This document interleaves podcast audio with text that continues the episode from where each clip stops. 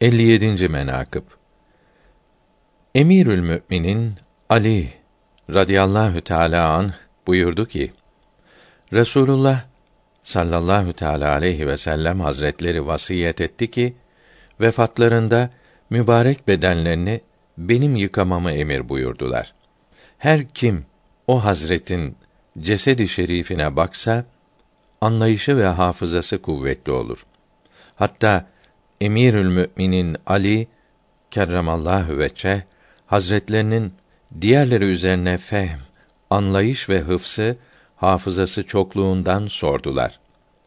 Buyurdu ki: Resulullah sallallahu teala aleyhi ve sellem hazretlerini yıkadım. Gözünün hanesinde bir miktar su kalmış gördüm. O suyu dilim ile aldım ve içtim. Bu kuvvetli hafıza o ser çeşmenin bereketindendir.